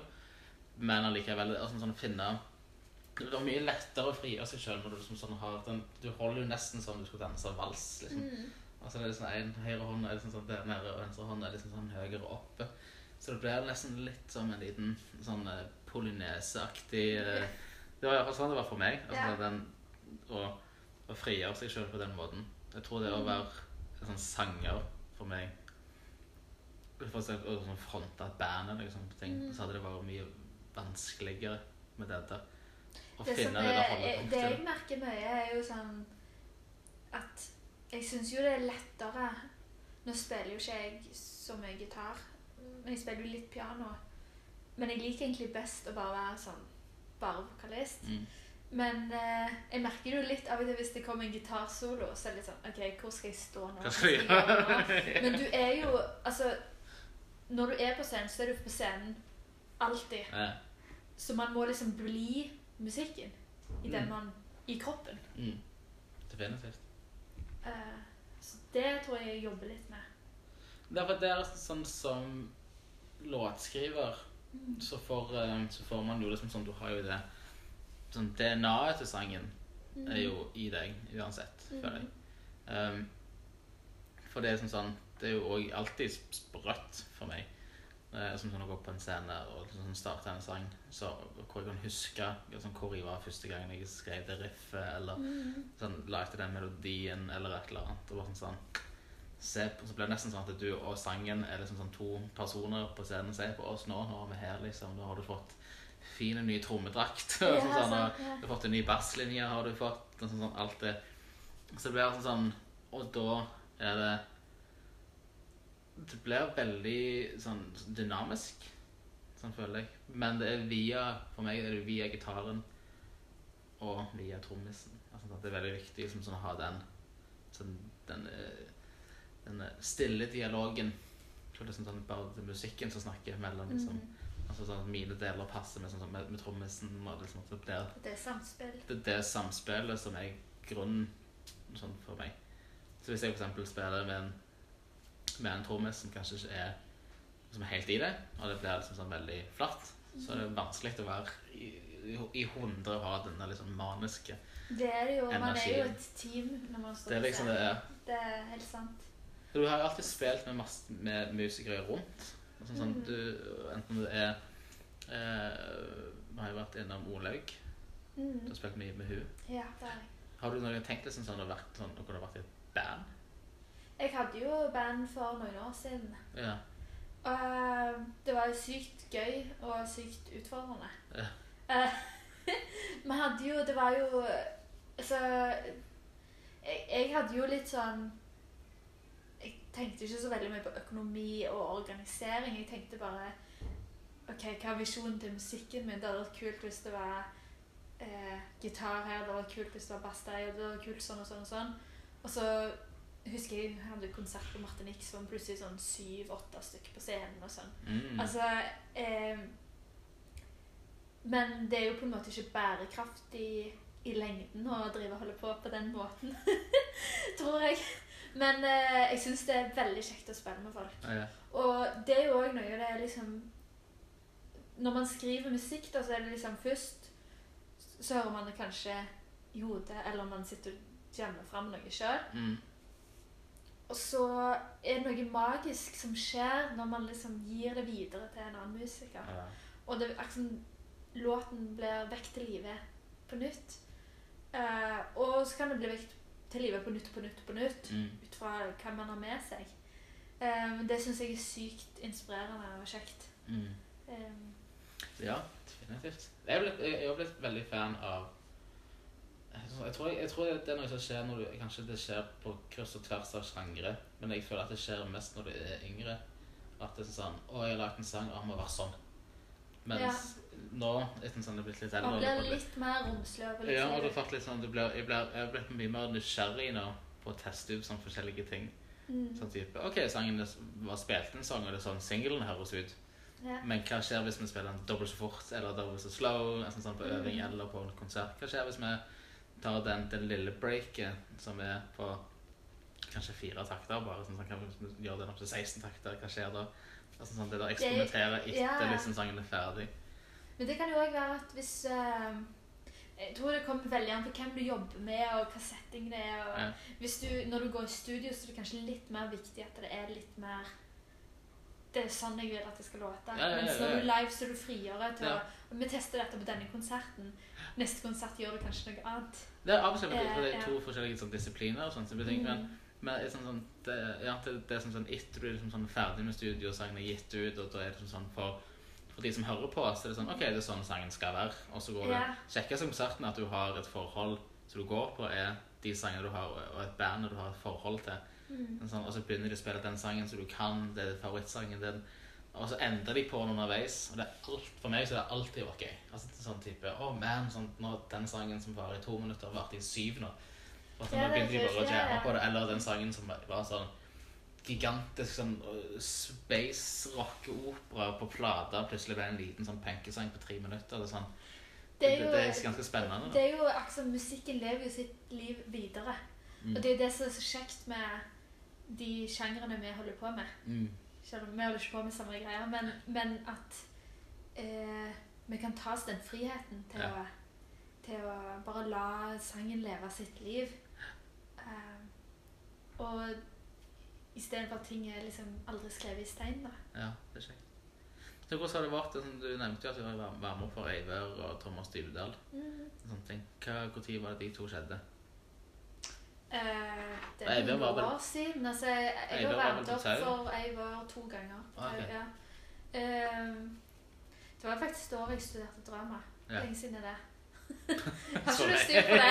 Nei, men jeg tror du studerte året etter meg, eller to år etter meg. Ja. Jeg tror det var året etter, året etter meg. så Kan jeg du være, ja. studerte. Og jeg studerte fra 2015 til 16. Så du må ha vært 16 til 17 da. Eh, 100 år siden, det. Basically. Jeg tror for meg og Sindri som jeg studerte drama med, jeg tror vi gikk og så et par av deres forestillinger. Ja, stemmer. Jeg tror jeg må ha vært året etterpå. Ja, stemmer. Mm. Ja, så Eller jeg var support i Haugesund og i Stavanger konserthus. Det var veldig kjekt. Mm. Det var veldig uh, det, Jeg følte Nei, ikke det var det var Dybdahl. Ja. Jeg følte ikke sjøl at jeg liksom presterte så bra. okay. Helt, hvis dette skal være en sånn ærlig podkast. Eller jeg følte at jeg gjorde så godt jeg kunne der og da, men jeg følte ikke det var godt nok. Okay, okay. Men jeg vet ikke på en måte hva som skulle vært annerledes. Eller Ja. Var det Men bare jeg sånn husker Var det en feeling liksom, var det når du gikk av scenen, eller har det Ja, jeg tror, jeg tror det var litt Jeg tror det var litt feelingen, for vi spilte jo i eh, setlist uh, Setlits Nei, gjorde vi det? Jo. Ok, Jeg husker ikke hva den andre het. Jo, den andre er Valen. Ja, jeg Ok. den Valen. Ok, det var i Setlits. Ja. Um, det var sykt sånn, Jeg husker ikke hvor mange publikummere det er plass til der, men det var ganske mange folk. Og veldig sånn hypa, veldig sånn stor greie. Og så Vet ikke, det var bare litt sånn Jeg hadde på meg sykt mye sminke og en paljettkjole og liksom bare sånn Å, nå skal jeg gå all in at dette skal liksom Og så tror jeg at jeg på en måte mista meg sjøl litt i det. At jeg var litt for lite autentisk og litt for lite tro mot meg sjøl. Ble det for mye glitter? Kan det bli for mye glitter? Men jeg, jeg elsker jo paljett. Altså, jeg føler jo, Det er veldig ofte jeg står på scenen og har på meg et eller annet paljettgreier. Ja. Og jeg føler jo at det hjelper meg til å liksom komme inn i en eller annen sånn modus. Men fikk du liksom sånn, Hang du med Eivør og Thomas? Og sånn, sånn, var det noen sånn samtaler? og Fikk noen tips? Eller ville du ha tips? Sånn, sånn. Jeg vet ikke, jeg du med husker ikke Jeg tror ikke jeg hang så mye med akkurat han eller de. Nei. Så det var mer en sånn type OK, nå er vi her på venue, og så spiller vi konserten vår, og så var det ja, det var litt sånn Ja. Det var jo Jeg husker jeg la ut sånn Facebook-status om at jeg skulle være support. Så fikk jeg liksom sånn Sånn sykt mange likes. Sånn der det er 300-400 likes på den statusen, liksom. så jeg følte det var sånne ting som ble veldig sånn Jeg tror det igjen har veldig mye forventninger. da. At, uh, at kanskje jeg forventa at du skulle bli mye større enn det egentlig var. Mm. Og så spilte jeg konserten, så var det sånn Vi gjorde jo en bra jobb. Jeg tror ikke Men Men det var ikke magisk Nei. for min del. Min opplevelse var ikke magisk. Uh, og så er det andre ganger jeg har gjort ting sånn for eksempel i Når var det? Rett før koronaen så spilte jeg eh, den salmen jeg nettopp ga ut. Eh, spilte jeg den på piano på åpen scene på Martinique. Mm. Og det var bare sånn totalt uformell greie. Og da bare kjente jeg det var akkurat som det var sånn magi som kom i rommet. Ja, ja. Så noen ganger så skjer magi når det liksom er litt eh, Ikke helt planlagt og litt uformelt. Eller, Ja. eller jeg vet ikke. Hvis du har forventninger til at noe skal bli veldig stort, så er det ikke så stort. Og forventer du at noe ikke skal være noe, så er det For, ja. sånn, sånn, jeg, tror, jeg tror ikke du kan plan... Du kan kun planlegge for deg sjøl, altså hva du skal gjøre. Jeg tror ikke du kan planlegge for omstendighetene. Nei, det kan Sånn, du jeg har ikke. masse sånn, jeg sluppet masse EP-er og singler og sånne ting. Og planlagt masse sånn release-konserter, og så skal det være sånn, og så skal det være DJs, Ja. og så kommer det 100 folk, og så ble, altså, promoterer vi det sånn. Da har jeg, sånn, jeg lært liksom, at da planlegger du for omstendigheter. Da det, det, sånn, det er jo ingenting annet enn skuffelse som kan komme ut av det. At da planlegger du for at de 70 kompisene dine som har sagt at de skal komme, skal komme. Ja, ikke sant. Det er det er sånn. ute av din kontroll. Ja. Og det jeg gjorde når eh, jeg ga ut Jeg ga ut en låt nå for eh, to-tre uker siden. Og eh, det jeg gjorde da, var at jeg skrev på en Post-It-lapp hvis det er én person som liker denne sangen, så er det godt nok.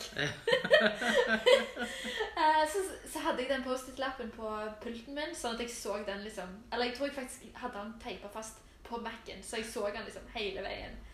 Um, så når jeg ga ut 'La meg fly', så hadde jeg virkelig sånn null forventninger til den låta. Um, men så har jo NRK P1 har jo spilt den, og NRK Rogaland har spilt den.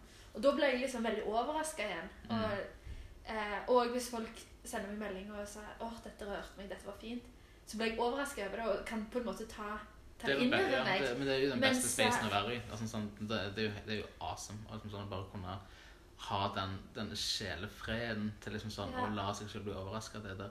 Og ikke være sånn type Jeg forventer sånn 40 000 likes på denne statusen. Ja, eller det er det som er jeg forventer fordi 400 DMs med at jeg har forandret livet til folk. Så da, da er det jo bare skuffelsen som ligger og venter på Det er jo liksom. det. Og så tror jeg det er fort gjort når man er et ambisiøst menneske. Mm. Og det er jeg.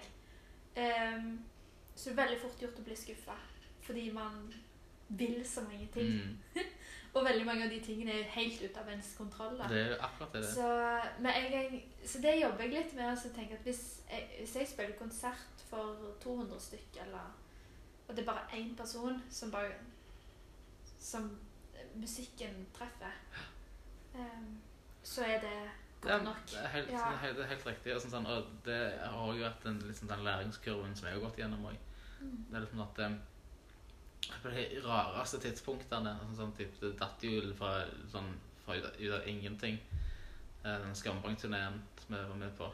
Ja, kult. Når vi fikk spille Rockefeller og Storsandfolken, og det var utsolgt, liksom. Og så Og der, det som var greit for oss, er at det sånn Skambank har jo ganske sånn megakontrollen på uttrykket sitt. Altså alt fra merch til, til sceneperformancen og hvordan scenen skal se ut. og sånne ting som er Jeg tror det var lettere for oss i en sånn setting å ha liksom sånn møte sånn, sånn, de utfordringene som kommer med å spille på en så høyprofilert greie.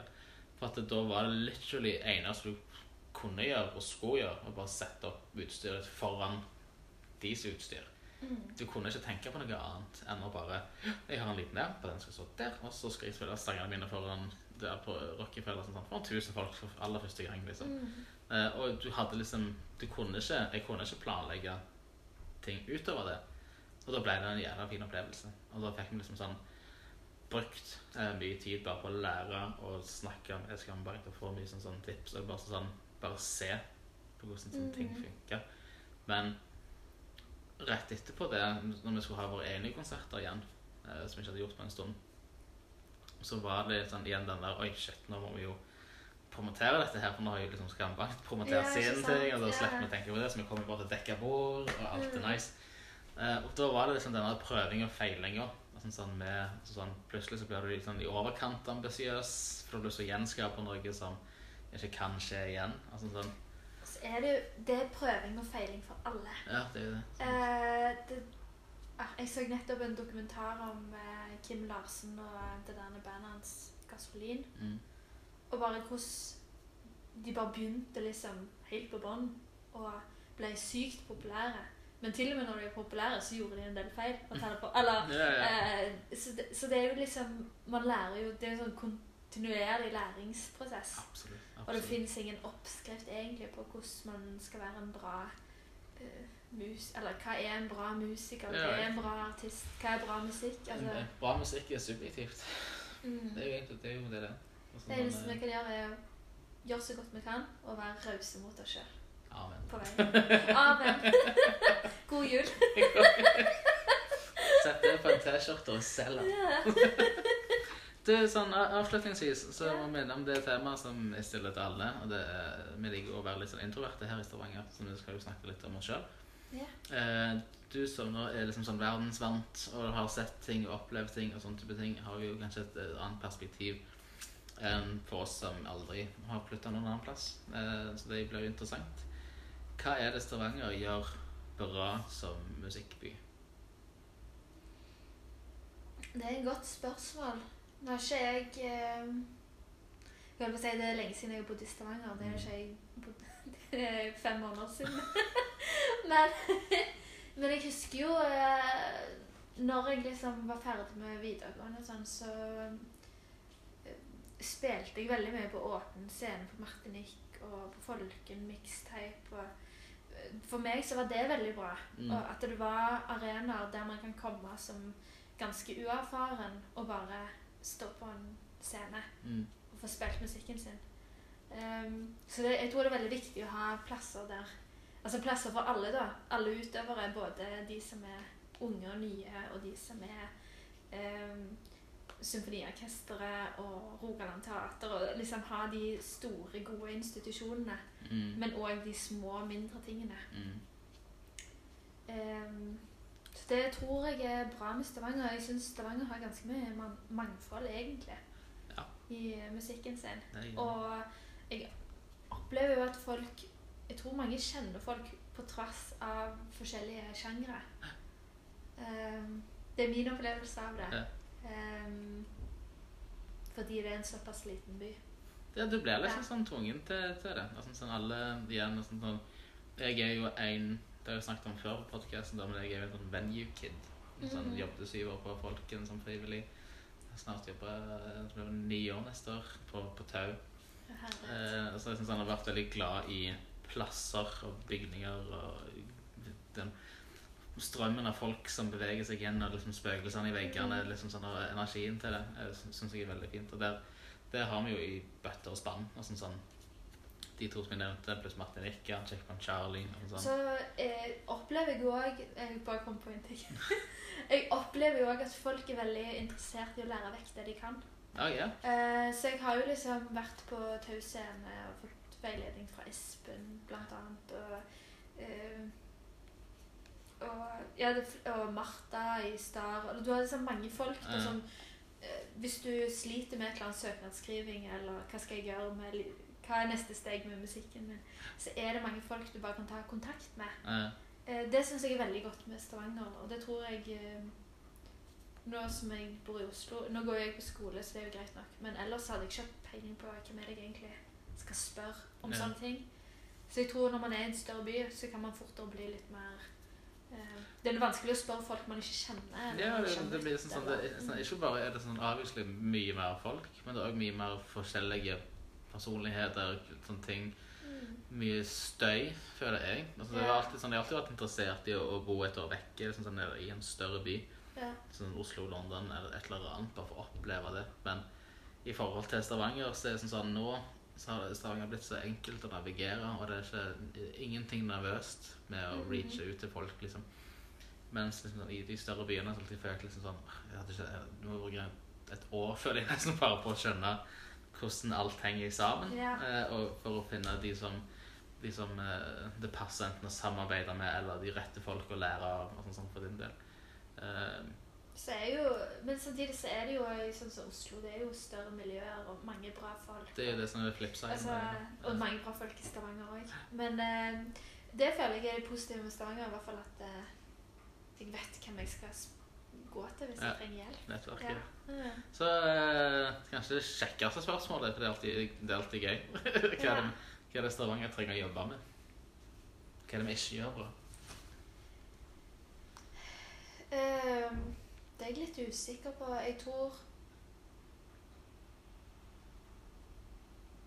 Kanskje jeg er veldig usikker på hva jeg skal si nå, men det, det, er, bra, det er et veldig bra spørsmål. Skyt fra hofta. Rett ut. Smekk de ned. Ja um,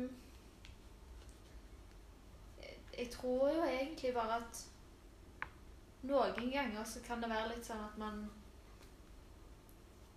velger litt mye av de samme artistene som lokalartistene som spiller. Mm.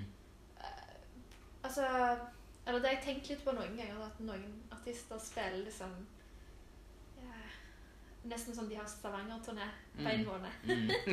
Eh, og det er jo fint nok, det. Men, eh, men av og til så tenker jeg kanskje litt sånn Jeg tror det er utrolig mye spennende musikk i denne byen.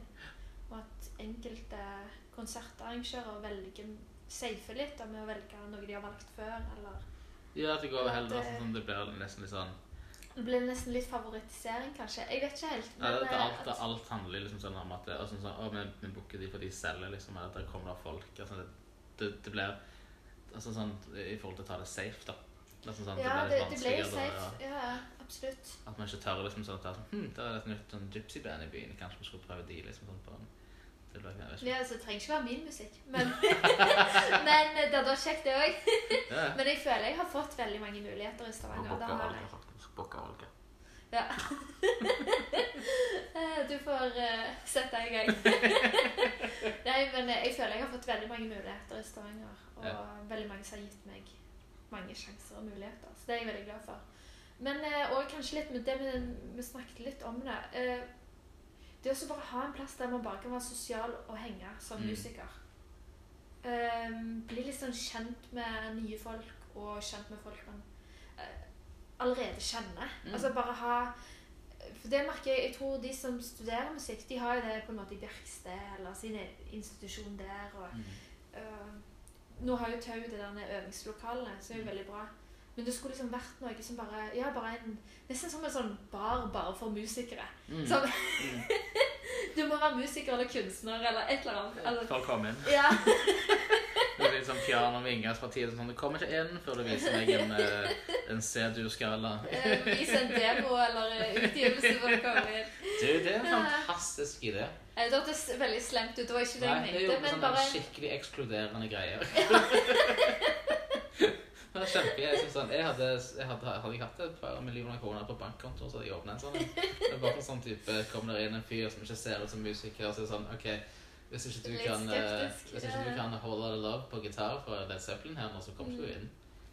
Og så er det liksom sånn, det, det, det, det. Ok, fint du kan, du kan gå inn. skulle hatt det. Nei, men jeg savner litt på en eller annen måte. Sånn som nå når jeg er i Stavanger i Nå er jeg i Stavanger og skal være her i en måned ca. så er jeg litt sånn OK, hvor kan jeg treffe musikere? Mm. Nå er det jo korona òg, men det er jo liksom ofte på konserter at man treffer folk, eller Ja, hvis man har øvingslokale, så Ja. Det har ikke jeg. Så, så det savner jeg kanskje litt. Et eller annet sånn En plass som er litt sånn Vi hadde ja. å bare komme og møte folk og snakke. Det var jo det Loden opprinnelig var, var jo den der den møteplassen. Mm. Eh, Ankeren seg på folken. For det. Og vi fikk ikke så mange eh, ganger før liksom korona kom og tok oss eh, vekk. Men definitivt er det noe som, som kommer til å komme tilbake igjen for å være med. Og alle som var rakk å være med på de få vi hadde, uttrykte liksom sånn akkurat det samme som du er inne på det. Liksom denne mangelen på hangout-stedet. Mm. Eh, og altså, det, det føles ut som når du, når du alltid har bodd her i Stavanger, sånn som jeg har gjort, så føles det ut som det åpner en ny det åpnes jo en ny uteplass sånn nesten hver måned. Sånn, ja, sånn, ikke sant? Ja. Alltid sånn så jeg tenker, ok, På et eller annet tidspunkt så er det bare noen som må samles og bare sånn, type Vi tar over dette lokalet, og så er det en eh, Kan du ikke spille kan, Er du ikke musiker, så kommer du ikke inn. Altså, sånn, det må at det krever skikkelig er veldig strengt. Eh, sånn for å få den møteplassen. For det, jeg tror du har helt rett. Jeg tror det er alfa og omega for at ehm, en slags form for sånn, det lokale musikkmiljøet kan få større grobunn. Ikke bare for de som allerede eksisterer, men for de yngre kidsa Mm. som sitter og lurer og funderer, og som har liksom de samme eh, sommerfuglene i magen som vi hadde når vi satt og lurte på sånn, sånn ah, kanskje musikk. Og sånn, du vokste jo opp så du vet, inne på med tanken om at jeg skal bli musiker. Det, det skal Ja. være. Men jeg, og jeg vokste opp med den tanken sånn, jeg har lyst til å være, men jeg vet ikke om jeg kan eller tør. Eller, Mhm. sånn, det var, men at eh, ja, altså, at, at, Det er eh, vi sånn- jobber med at det ikke er bare for oss som gjør det nå, men også for de som skal komme etterpå. Og forskjellige sjangre òg. Ja. Altså, jeg syns alltid det er inspirerende Altså, jeg syns egentlig det er inspirerende å treffe alle mennesker. Uh, hvis du treffer noen som holder på med kunst, eller noen som Eller teater, eller Så det også, kan det òg være Kanskje du bare skulle vært sånn kreative mennesker samspilt. Jeg vet ikke hva Folk som ikke er kreative, de er jo òg veldig interessante på sin måte. Ja. Jeg har jo møtt folk som ikke er inspirerende i det hele tatt. Ja, men det er jo òg inspirerende at de ikke er inspirerende. Altså Så lager går hjem og lager en sang. Boring man, I Ja. saw him standing there. Altså, da har yeah. du det, ideen allerede. Med en gang. Det høres veldig bra ut. Nei, men konge. Det, tusen takk for at du kom, Olga. Takk for at jeg fikk komme. Det var veldig hyggelig å se deg igjen. Det har vært en stund siden sist. Mm. Jeg føler nå har vi liksom sånn hatt en veldig sånn fin catch-up. Ja, der er en lang ketchup, så Ja, lange, lang catch-up. Eh, hvordan, eh, litt sånn kort om eh, hva som ligger videre. Du har en uh, singel på Spotify. Og sikkert flere plasser for den saks skyld. Mm. eh, under, under navnet Olga Amalie. Ja. Er det kommer det mer? Eh, jeg driver og jobber i studio nå, og jeg skal gi ut et album til neste år. er Hei! planen. Nice. Så vi får se. Men jeg driver og skriver med musikk og spiller inn. Blir det noen livekonserter? Ja, det er veldig, ser veldig dårlig ut med det Ja. akkurat nå. Men jeg lover at for når ting Vaksine, vaksine, vaksine, vaksine. Ja, at jeg er klar, liksom. Så hvis det er noen som vil booke meg, så sier jeg ja. Så er det good. Fine. Takk for at du kom. Eh, Takk for at jeg fikk komme.